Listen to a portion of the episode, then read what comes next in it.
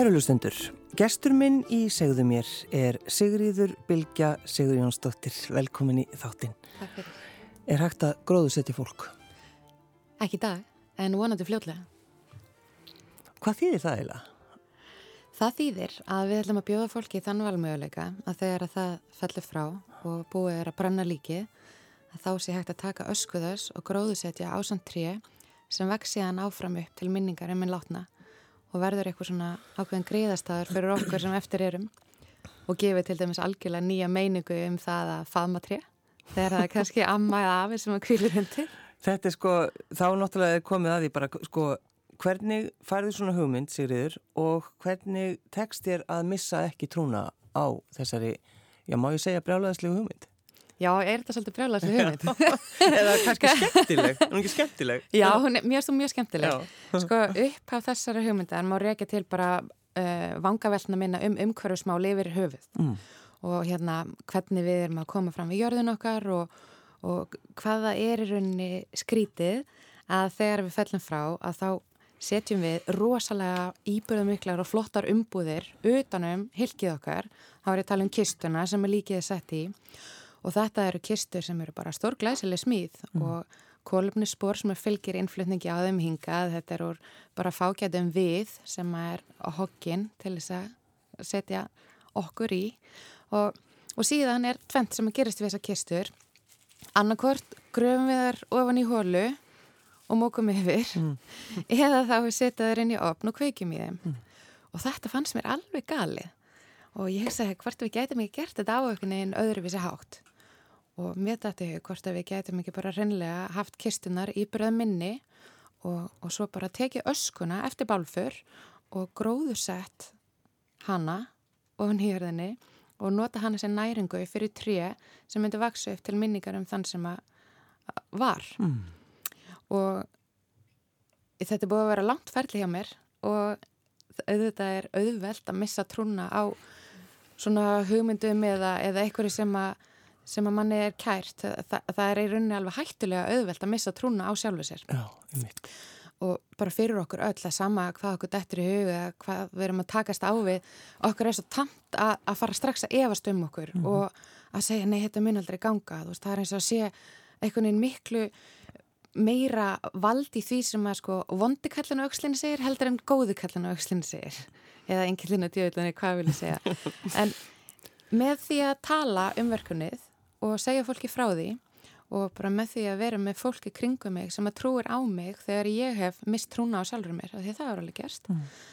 þá er þetta búið að halda áfram og ég hef, hérna ég bara tók þá ákverðun fyrir nokkurum árum að ég ætla ekki að tala sjálfum mig niður og fólk getur haft alls konar skoðanir á mér og verkefninu en ég ætla að halda mín eitthvað streitu og, og svo kemur ljós hvað verður með það en ég hef allavega full að trú á því og hvernig aðrir er að hafa trú á henni ef, ef, ef, ég hef það ekki Það breytist eitthvað er það ekki hjá þér þegar þú fóst í uh, mannvistfræði.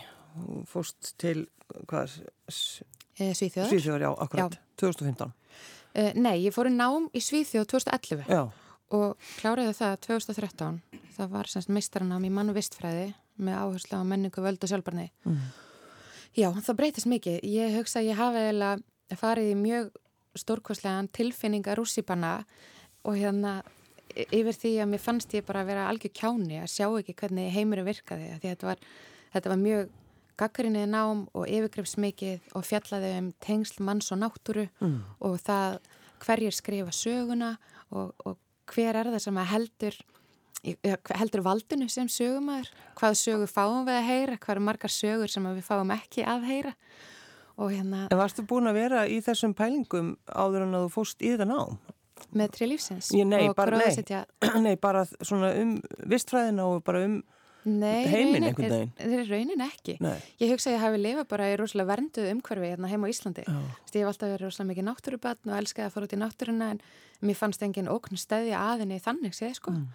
En það var í einum kursi í umhverfi stjórnmálum og ég tók heimsbyggi hagfrá stjórnmálufræði upp á Bifuröst fyrst og það var kursi í umhverfi stjórnmálum þar sem að kviknaði á, á einhverju peru og bara, ha, er, erum við ykkur hættu hérna á þessari jörð, erum við, erum við að skemma hana? Já. Við erum heima á henni, hvað er að gerast? Já. Og hérna þá sá ég þess að myndband, og kennarinn var bandarísk og hún síndi okkur myndband af uh, plasteigjunni eða ruslaeigjunni Já, í, í Siðu Kyrrahafi sem að þá var sko tvöfald starð Mexikoríkis og þetta er bara svona massi af rusli sem við sapnað saman og hún er alveg manngeng og alveg hræðilegt að sjá myndir af En það er eiginlega þannig að maður sér þessa myndir af henni, þá bara einhvern veginn, eh, þú veist, manni, manni líður bara ítla. Já, þetta er bara sárt. Já. Þetta er bara, þetta er bara ógislegt og maður, maður hugsa bara hvernig, hvernig stendur á því að við búum í heimi þar sem að við eigum þessa einu jörð sem er svo dýrmætt, veist, hún skapar okkur heimili og skjól og vatn og hreint vatn og allt sem við þurfum til að lifa en úrgangurinn og það sem kemur frá okkur er, er að valdina hræðilega eðaleggingu Mm. og ekki bara úrgangurinn, við vikti líka fara í stærri hluta bara eins og, og loftlagsbreytingar og allt það þannig að þetta nám kveikti á öllum þessum svona, fötturum hjá Já. mér, það, þeir voru bara ekki til staðar Og svo fóstu ek- í, í svona, já, einhverja að, aðra vinnu í tengslum við skólan, er það ekki?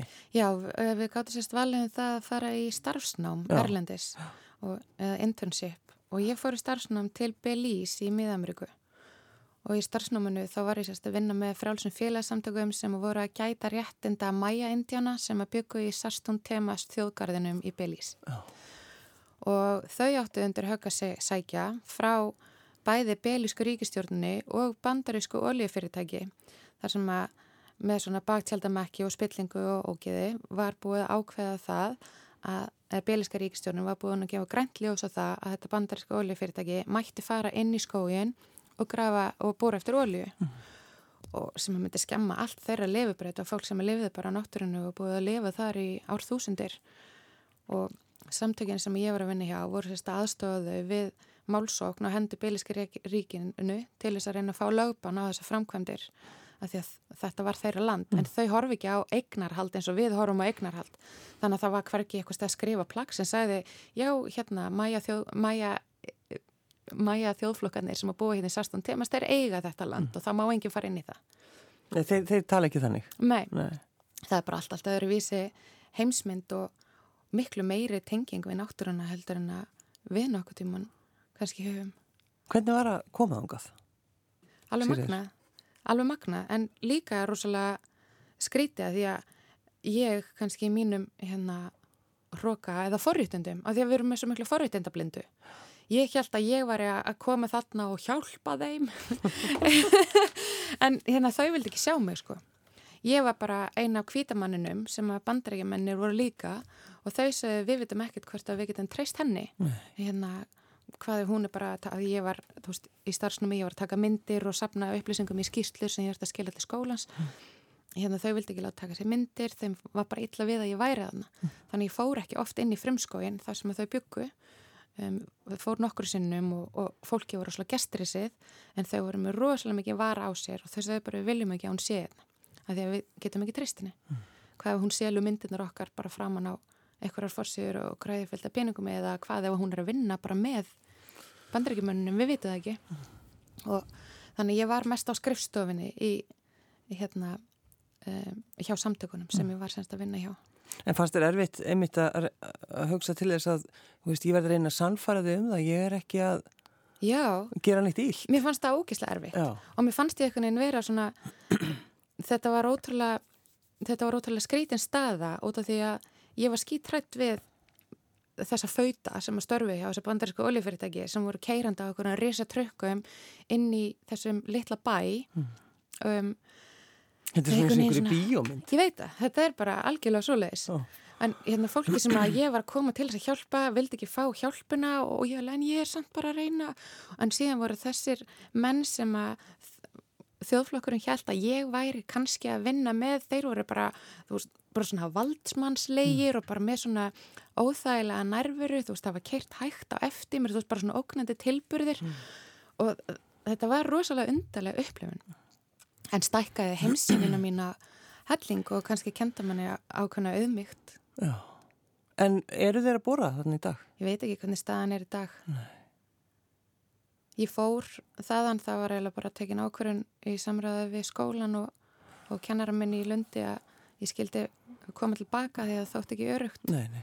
og hérna, svo ég kom, kom heim til Íslands þá og kláraði starfsnámi mitt hjá Landvernd sem eru náttúrvendarsamtök hérna á Íslandi. Já, já. En þeir voru líka með einhverja fleiri pælingar er það ekki hvað við ströndina þannig í Billís? Jú, þeir eru alltaf að fara bóra eftir ólju rétt utan við strendur Billís og það er sko annað staðista kóralri við heimi og eftir Great Barrier í Ástralju.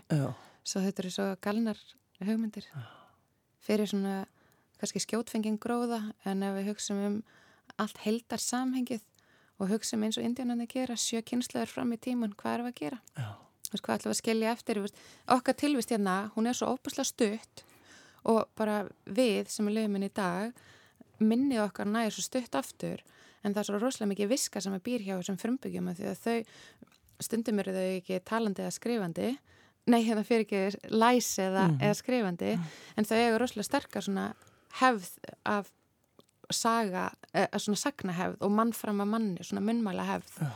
og þau eru einhvern veginn miklu betur tengd náttúrunni heldur en við en við erum svolítið bara að hugsa um okkur kannski næstu kynslu og eftir, ég veit það ekki En, en sko þetta í rauninni, þetta nám, Sigriður Bilgja, bara breytir bara öllu þínu, bara breytir þínu pælingum bara um lífið og tilveruna. Já, og í rauninni var þetta bara svolítið sjokk. Þetta var okkur sjokkar endi nám. Að hérna átt að segja því bara hvað heimurinn er stór og skrítinn og hvað er mikið um valda baróttur og, og hverjir það eru sem, sem fá völdin til þess að skrifa síðan söguna. Mm. En er þetta ekki eitthvað sem við ættum að kenna börnunum okkar gegnum bara alla skólagönguna? Mannvist fræði? Jú, ég menna við erum hluti af náttúrunni, við erum ekki henni æðri. Nei. Við sjáum bara þegar að verða náttúrhamfarir hvað við erum ógnar, ógnar lítil og nú eru loftlagsbreytingar sem við erum ekkert að ráða við, við höfum ekki stjórn yfir þessum hlutum. Þannig að virðing gagvar því að við erum hluti af þessu risastóra kerfi er eitthvað sem er bara mjög mikilvægt mm. fyrir okkur og það að kenna börnunum okkar bara gaggrinu hugsun það er rosalega mikilvægt veganæsti fyrir þau út í lífi En þetta, þú farði þessa hugmynd að gróðu setja fólk Já.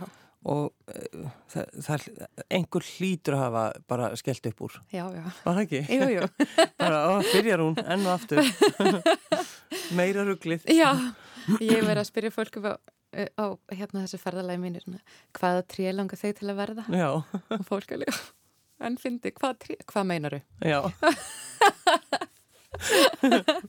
En þú, eins og þú segir sko, þú hefur trú á hugmyndinni. Þetta er frumkvölaverkefni náttúrulega, þú ert frumkvöðul Já, já, ég er frumkvöðul og þetta er eh, hérna, ég er búin að vera að vinna að þessu frá 2015 og ég náttúrulega er ekki þar sem er verkefni er statt í dag, það er ekki á sama stað og það var 2015 2015 þá var ég nú bara aðalega hugsa um það að flytja inn lífræn duftkjör svo fólk getur sett öskuna í þau. Já. og þetta er eitthvað sem þekkist erlendist þá eru þetta lífræn duftkjör og það er fræ í kérinu og þú gróður setur það og síðan vex planta upp já, já, en um, þegar ég fór að vinna betur í verkunnu ég átti minn fyrsta fund með nýsköpunum mista Ísland þannig að 2015 og átti fund með góðum manni sem heitir Hannes og hann spyr mig, hérna, hann líka á þetta svolítið klikku hugmynd um, er þetta löglegt? Já. Heli, já, ég er ekki eins og búin aðtöða það. Þið það bara svo góð hugmynd. Já, já, já. En hérna, auðvitað reksmaður alls konar hindranir þegar maður er frumkvöld. Mm. Hvort sem maður er hindranir sem maður setur upp sjálfur með því að trúi, trúi ekki á sig eða hindranir eins og ég er búin að lendi í bara einhverjum frumskóar laga flækjum, sko. Og hérna, hvað, hvað má og hvað ekki og, og, og það er rosalega, hérna, langt ferðalega þegar ég horfið tilbaka hvernig maður er búin að þræða þennan veg fram hjá hindrunum sem mm. hafa komið upp. En við erum búin að komast fram hjá öllum lagalegum áskorunum og það er bara fátt sem að standri vegi fyrir því að trilíksins verði að veruleika já. í dag sko. Já. Þannig að þetta búin að vera skemmtilegt ferðalega. Það er sko, það er þetta, já ég, er, ég þarf að skreppa eins til útlanda, ég þarf nefnilega að fara að skoða brennsluofna. Já. þetta er svona, maður, maður er svona, já, já. Hvernig var það til dæmis, að fara að velja brennsluofn? Já, við fórum í desember síðastlinum til Hollands þar sem við fengum að vera viðstættar opnun á bálstofu í Bíst í Hollandi og hérna það var bara mjög aðtælisvert. Ég er búin að vera í sambandi við opna framlegandan sem við ætlum að vesla opnina af síðan 2017 oh. þannig að tveimur án síðar, 2019 þá er komið svona verkefnið er búið að vera að taka langa tíma og ég er alltaf búin að vera að halda þeim og sannfaraðum, þú veist, jú, þetta er alveg í góðum gangi, við erum að fara að finna út þessum og þessum málum að ég er að fara að kaupa af þeim rosalega stóra og dýra fjárfestingu og þeir spurðu hvort að við bara vildum ekki koma út. Já. og ég, kannski voru þeir líka aðtöða hvort að við værum bara eitthvað kjánar einma á Íslandi eitthvað fýblastíðin eða hvað. En við að förum út og skoðum og þennan líka flotta líkbrænsluofn sem að er umhverfisvætt að ég leiti henni til að það er fullkomi hreinsikerfi og við getum ráðið hvort að við fáum opn sem að gengur fyrir rafmægni eða metangasi. Og það er eitthvað sem ég er úrslega skotin í að, að, að skoða mm. þegar við förum í það að velja hvort mótileg við tökum, hvort það verður rafknúin eða metangasknúin. Það er að það verður svo geggja að við getum fýrað upp í opnunum fyrir okkar hinstu kvæðistund með elsniti sem er búið að búa til úr matarafgangunum okkar og lífrann úrganginum okkar inn hérna heima og þá erum við bara með svona innlendu framleyslu svo kemur bara aska út sem við náttúrulega gróðsetjum með tri. Þetta, þetta hljómar mjög vel. Já, en ekki. Jú, en sko, þetta er orðið náttúrulega miklu starra hjá, hjá því að Sýriður Bilgja. Þú, sko, þetta verður bara stórt fyrirtæki. Já. Ég meina, þú, þú þarf stórt húsnæði og, og stað til þess að uh, setja tríða niður. Já. Og, eða, eða, eða fólkið. Já, akkurat. Um, En sko, mér þykir eitthvað, ég veit ekki hvað það er, kannski er þetta bara eitthvað í salra með, mér þykir óþægilegt að tala um tre lífsins sem fyrirtæki. Já. Að því að þetta er eitthvað svo miklu meira, æ, veist, þetta er svo miklu nær hjartanu og þetta er svo langt fyrir utan svona markaðslega í huga mér, sko. Mm. En eh, ég er búin að stopna félag sem heitir tre lífsins bálstofu og minningagarðar og það er stopnað sem sjálfsögnastofnun í atvinnræksti. Mm. Og svo sjálfsögnastofnun kemur til með að reka þetta félag og hérna, jú, við erum að fara að byggja stort húsnæði sem mun hýsa bálstofuna og hveðjurými svo ef fólk vil halda útför eða hinstu hveðjustund hjá okkur þá gefst þeim kostur að því að gera það. Síðan í öðrum hluta húsnæðisins þar verðum við með móttöku á sirkjandum sem eru að opna lífsbók síns nánasta ættingja sem við getum kannski talað um sem og eftir en mm. það er rafræni hluti verkefni sinns. En svo er Svo verðum við líka með aðtapna sal svo fólk getur haldið í rauninni aðtapnir sem eru bara allar lífsins gleði og sorgastundir. Allt frá skýrnum til ferminga, hjónavíksluna og erfidrykja. Og svo verður líka á annara hefði húsins verður kyrðarými sem er alveg ofbáðslega vel hugsað þetta á að vera þessast 360 gráður gler svona rými mm. þar sem þú sér bara til allra átta yfir allt höfuborgarsvæðið og þú sér fjall og, fjall og fjöru og Reykjaneskaðan og Snæfellsnesið og Bláfjöllin og Esina og þú ert bara með dásamlegt útsinni þar sem þú getur átt kyrðarstund og átt svona kannski ákveðin heilarleika eða sorgarstund eftir að látin ástvinnur er farin. Mm. Svo, svo er það minningagarðanir og fyrsti minningagarðurinn og minningagarðanir eru þessar staðir þar sem við ætlum að gróðusetja fólk og gróðusetja trén að því að lögin setja okkur þær skorður að það má ekki gróðu setja tré upp í sömabústað eða út í gardi heima. Þannig við verðum með afmarkaða garda sem að heita þá minningagarðar og í þá uh, ætlum við að gróðu setja fólk. En svo getur fólk líka valið, sömur vilja bara enda í kirkjugarði mm -hmm. og það er bara alveg sjálfsagt ofan á kistu annars ættingja eða í duftreit eða hvernig svo sem það er. Við viljum bara að það sé rými fyrir okkur öll og rými til þess að þar lífskoðanir sem við höfðum að meðan voru lifandi og þau gildi sem við lifum eftir og þau fá að fylgja okkur yfir mm. í rauninni. Og það verður svona eiginlega já, okkar hinsta óski verði þannig virtar. Já, þá eru náttúrulega kannski komið einmitt þessari sko lífsbók. Já, akkurat. Lífsbókin. Lífsbókin er endar reykið sem fyrirtæki bara hefðbundið EHF já. og það er tri lífsins lífsbókin og lífsbókin er tæknilið verkefnisins sem er núna alveg bara í mjög góðri þróun. Við erum búin að vera í hannunavinnu og, og erum að fá prototípu eða frumgerð uh -huh. í mhm. hendunar sem að bara væntilega á morgun eða hinn og frumgerðin fer síðan í notendaprófanir þar sem að, að við ætlum að sjá hvernig það leggst í fólk þetta svona útlitt sem við erum búin að hanna og þessi lífsbók. En lífsbókin er sér þetta staður þar sem að þú kaupið þér aðgang og skráir þið inn og heldur utan um lífslaupið þitt. Þú sapnar henni bara í þinn eigin minningabanka. Þú getur skrifað, já annarkoð skrifa niður, tekið upp hljóð eða tekið upp myndbönd og sapna sama myndum og gemt þarna inni og þarna ert þú bara að skrifa söguna þína með þínum eigin orðum að með ert ennþá lifandi sem að verður svo rosalega dýrmætt fyrir þína aðstandendur að eiga þegar þú ert fallin frá.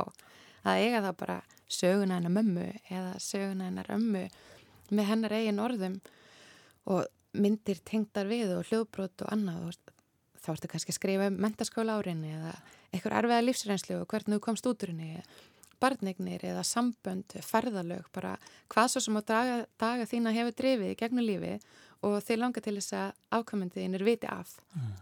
og þá nógu við líka einhvern veginn rosalega sterkur tengingu við forfeður okkur að formaður og svona hvaðan við komum en í lífsbókina getur við líka skráð niður og teiknaði upp þitt eigið fjölskyldutré að því að fjölskyldur eru ekki eitthvað eitt. Fjölskyldur eru svo margt og við erum fjölskyldur hérna í dag, ég menna við erum með samsettar fjölskyldur og fjölskyldumunstri nám langt út fyrir það að vera bara blóðtengsl. Og þau sem ég tel vera hluta minni fjölskyldu er ekkert endilega bara þau sem eru blóðtengd mér og svo eru stjúbötn og fóstur og þú veist, mm -hmm. þetta er alls konar. Og, og einni getur haldið utanum í hérna lífsbókinniðinni leikil orðurreikninga Guð mig góðu, hvað eigum við mikið af reikningum út um allt, alla samfélagsmiðla reikningana og síðan aðganga hér og þar og það er notendunafn og leikilorð og, og svo þegar við degjum þá halda þessar á, reikningar bara áfram að lifa í flestum tilfellum. En hjá okkur þá viljum við hérna, bæðir þetta utanumhald fyrir, utanumhald fyrir þig og meðan þú ert á lífi, þess að muna öll þessi bjöfitans leikilorð og, og aðganga en svo eftir að við erum fallin frá fyrir aðstandendur okkar að geta komist inn og loka þeim ef við kjósum svo. Já. Þannig að þar getur að haka við bara Facebook, þetta er notendurna, leikilord, ég vil að þetta verði, að halda áfram að lifa eftir ég deg eða ég vil að þessu verði lokað. Já. Þá er hinn látni búin að taka ákverðunna og aðstandendur þau eru bara framfylgja. Mm. Og svo í lífsbókina þar skráur líka niður þínar hinstu óskir. Af því að það er svo mismöndi hvað við viljum og hvað okkur langar og ofan á sorgina og sakniðin og missin sem við erum að upplifa þegar aðstandandi fellir frá þá er okkur einhvern veginn bara hend út í það að hérna, fara í það formlega ferli að skipulegja útför með öllu því sem að því fylgir mm. og öll þessi formlegu atriði og allar ákvarðinina sem það þarf að taka og hver á að taka þessa ákvarðin og við vissum ekkit endilega hvað en látni hefði viljað.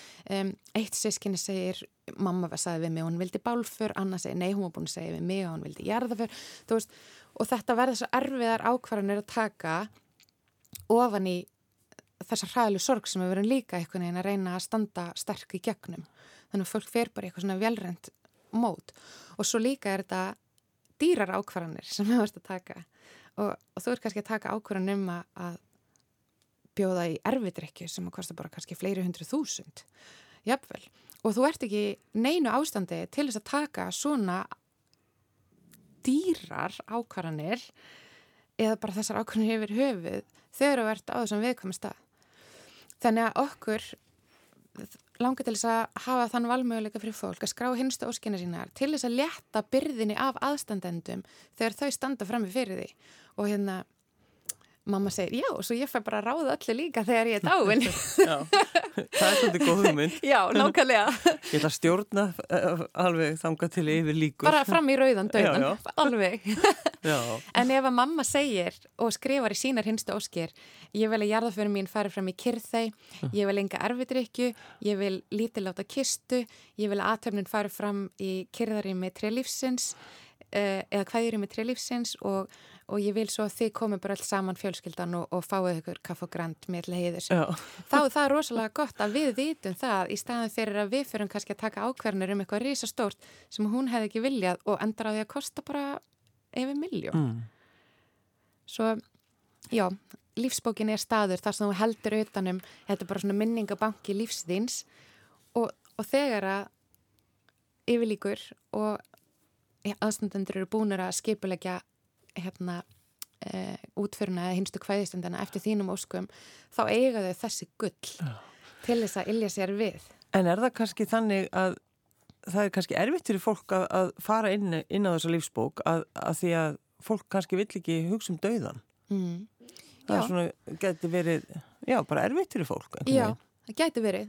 Um, við getum líka valið að líta á öðruvísi að hérna, þetta er það eina sem við vitum fyrir vist að gerist mm í lífinu og, og við getum sko þrátt fyrir að flest okkar langar vonandi mikið til að lifa og til að það er svo margt ásalegt í þessu lífi þó sé erfitt og skrítið og undarlegt og allt. En það að vera meðvitaður um döðleika sinn gefur okkur kannski líka tilinu til að lifa lífun aðeins betur mm. og kannski eins og í bútan. Í bútan þá segja þau að þú ætti að hérna, hugsa vel og vandlega um döðan fimm sunum á dag til þess að geta að lifa góðu lífi. Já. Og döðin er, þú veist, þetta, hann er svo eðlulegu partur á lífinu en það er einhvern veginn búið að taka hann frá okkur.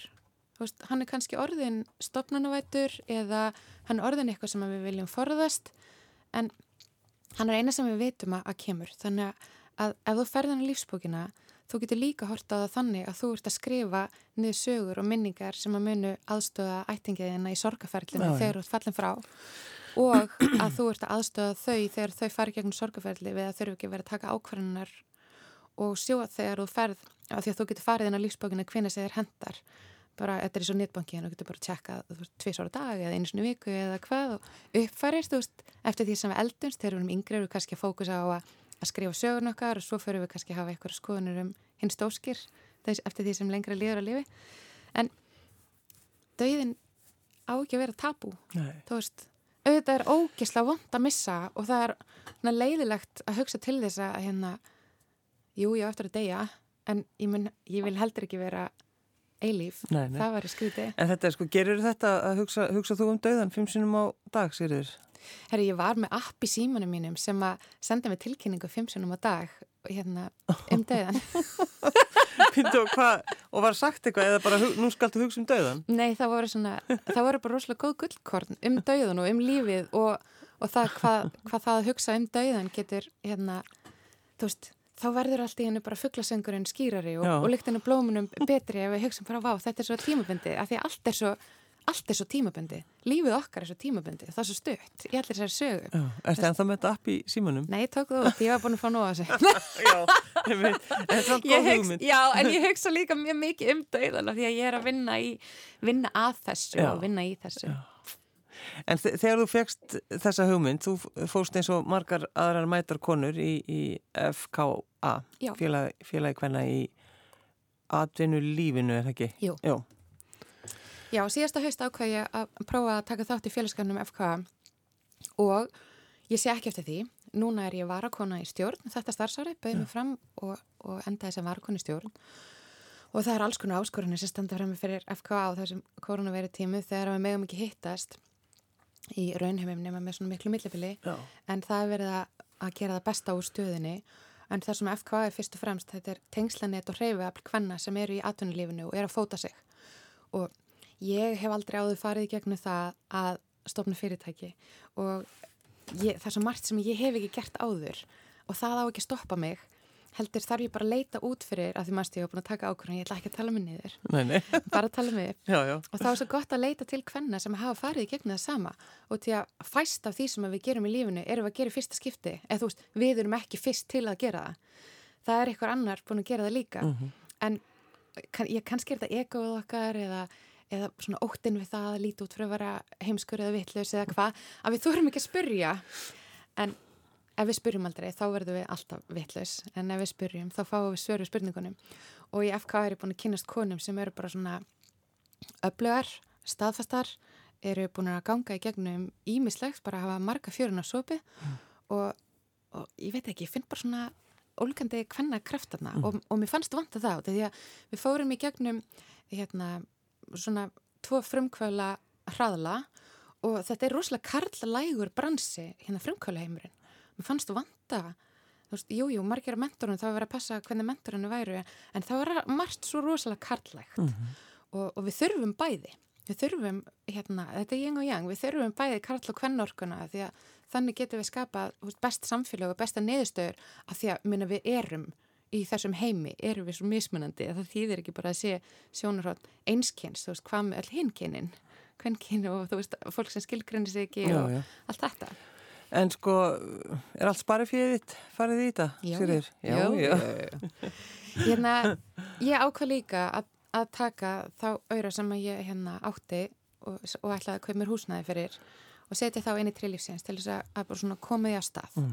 og, og ég er búin að fá rosalega mikið af neyjum við styrkumsóknum og svona en það er eins og hvert ney svona styrkjumann kannski er það því að maður er svo þrjóskað bara, en ég get gert betur og, og ég ætla bara að reyna aftur. En síðan hefur við fengið tvö já við fengum styrk frá atunumálum hvenna uh, til þess að fara í vefhönnun og, og hérna notandaransóknir og svo fengum við frumkvölu styrk frá Íslandsbanka. Og þessi tveir styrkir pluss bara fyrir mitt er að koma lífsbókin á þann stað að hún er að vera klári í notandaprónir og við þurfum meiri pening en hérna við finnum út af því. Peningar ja. eru bara peningar og og svo varandi sjálfsögnastofnunina hérna, minningagarðana og bálstofuna það, það er risastór framkvæmt, veist, það er, er kostnæðar sem er yfir miljardur Já. og það er, ég á ekkert svo leið spari við en það er eitthvað sem að Og hefur ekki, hefur engar ágjur að því? Þú trúir því að þetta muni þetta mun ganga? Já, ég veit það. Já, þú veist það. Já. Ég er búin að fá uh, vilirði. Ég er búin að tala við tvo aðila sem að eru við erum ekki búin að skrifa þetta samninga en það er velirðið fyrir því að vilja lána okkur fyrir 80% mm. af framkvæmdini. Það er rosalega gott og stort og þetta er bara fólk sem er framsýnt og trúir á þessa hugmynd og hugmyndin er líka, þetta er orðið svo miklu meirinn hugmynd, þetta er, þetta er í framkvæmd, trið lífsins er að verða, Já. að veruleika og ég eru vonist til að við getum bara að byrja að gróðusetja eftir, veist bara innan þryggja ára. Já en þó að þessi komin svona möguleiki á 80% fjármögunun ég vil ekki fá fjárfestæðin ég vil fá lán sem er borguð til baka því að trið lífsins á að eiga sér sjálft mm. þetta á ekki að vera eitthvað svona gróðrabatteri markmiðið með trið lífsins er að geta bóðið fólki um, nýja valmöguleika við lífslög og að haga þessum málum alveg svo þau vilja og síðan viljum við geta gefið styrki til sorgar og sjúklingasamtöka sem að, sem að þú veist, eiga enga peninga eru að veita óbóðslega mikilvæg þjónustu yfir fólk sem hefur mist börnin sín, sem hefur mist maka, þú veist bara eins og ljónshjarta, gleimirei og fleiri félug sem er undir sorgamiðstu. Þetta eru félug sem ganga bara fyrir styrkjum og ætti að vera fjárlögum. Það er engin smá mikilvæg andleg vinna sem er verið að veita fólki sem er að upplifa svona ræðilegt mm. áföll. Svo við viljum að hluti af þeim hagnaði þegar við erum búin að greiða niður lánin og erum fann að skila hagnaði það fari að styrkja þessi samtök en síðan bara lækka verðið og þjónustun okkar. Þú veist, þetta á ekki að vera endalus gróði. Það, það, það þarf ekki. Það, þarf, það þurfa ekki öll fyrirtæki eða félög að vera byggð upp þannig að við ætlum að græða úslega mikið á því. Trílífsins og ekki vera þannig. Er þetta alveg svona upp, Sigriður Bilgja þessar, þennan kraft? Mm, Já og ég vildi að vera til lífsbók fyrir mína formæður og, mm. og forfiður því að jú, það er rosalega kröftugt og þrjóst fólk sem að ég kem að. Já, já, þú sagði þetta. Já, nákvæmlega. En svo tekum við við uppeldinu á sjálfum sér á, á einhverju tímpunkti og, og hérna velur hvað maður ætlar að taka í veganæsti í sínu lífi sko. Svo já, bara Ég er ábyggilega alveg svona upp að mörguleiti og svo hef ég ákveðið að ala mig upp svona að þessa leiti og, og líka bara vera til að vera góð fyrirmynd fyrir aðrar konur eða annað fólk og bara þau sem að koma á eftir mér. Af því að við erum öll fyrirmyndir sko. Við, bara, við vitum ofta ekki af því. Það er alltaf einhverju kringum okkur sem að horfi til okkur og það er kannski líka gott að muni það þegar maður fer svona þess að missa trún og sjálfur sér. Mm. Maður á svona linda bandamenn út um allt. Við hefum öll sko. Og til að við erum öll svo mikilvæg. Sigriður Bilgja Sigriðjónsdóttir, takk fyrir að koma.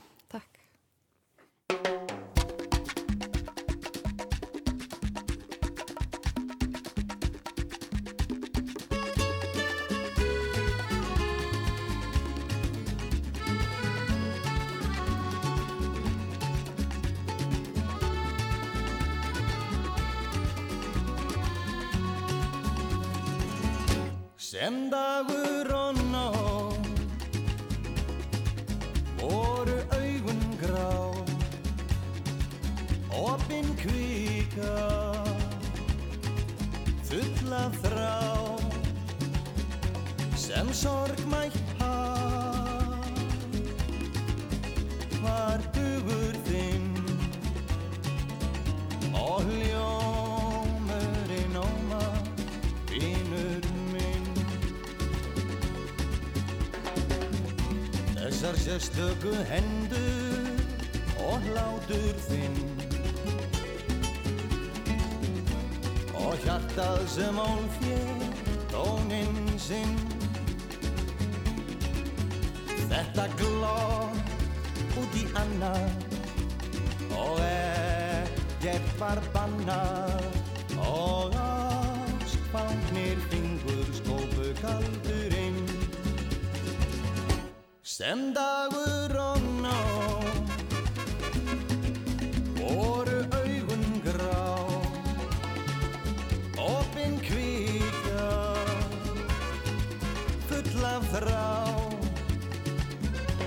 sem sorgmætt var hugur þinn. Og hljómurinn óma vinur minn. Þú vaktir með draumum dimmar nætur. Meðan dagurinn svafi þína fætur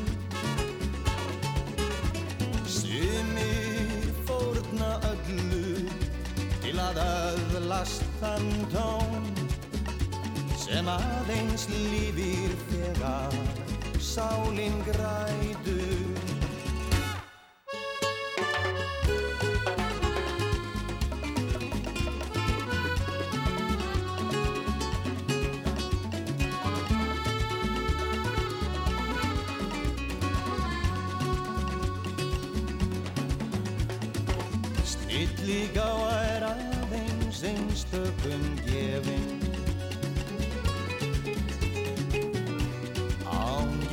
sýstir og bróðir hennar efin Á eftir þér högtu Þegar heimurinn beithín Á hamingjunar braut eru vann Rötuð skrefin. Sem dagur og